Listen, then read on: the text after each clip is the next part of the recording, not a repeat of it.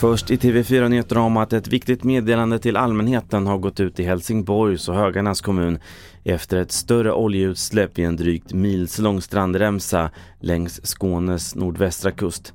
Folk i området uppmanas undvika kontakt med vattnet. Det är ännu okänt vad som orsakat oljeutsläppet och hur lång tid det kommer att ta att sanera.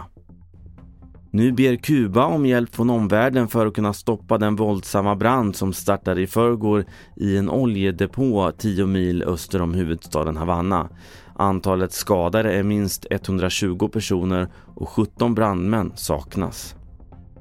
Till sist, sedan flera år tillbaka har Öland problem med stölder av fossiler vid berghällar eller raukar i naturreservaten.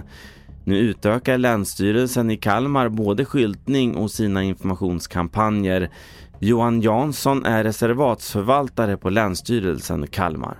Vi hoppas ju att eh, det här problemet eh, ska minska i vart fall. För det här är inte bara ett problem här utan det ser vi på andra ställen där det, där finns eh, hällar och så vidare med fina ottoceratiter, alltså gamla urtidsdjur, bläckfiskar och så vidare. Du hittar fler nyheter på tv4.se. Jag heter Carl-Oskar Alsen.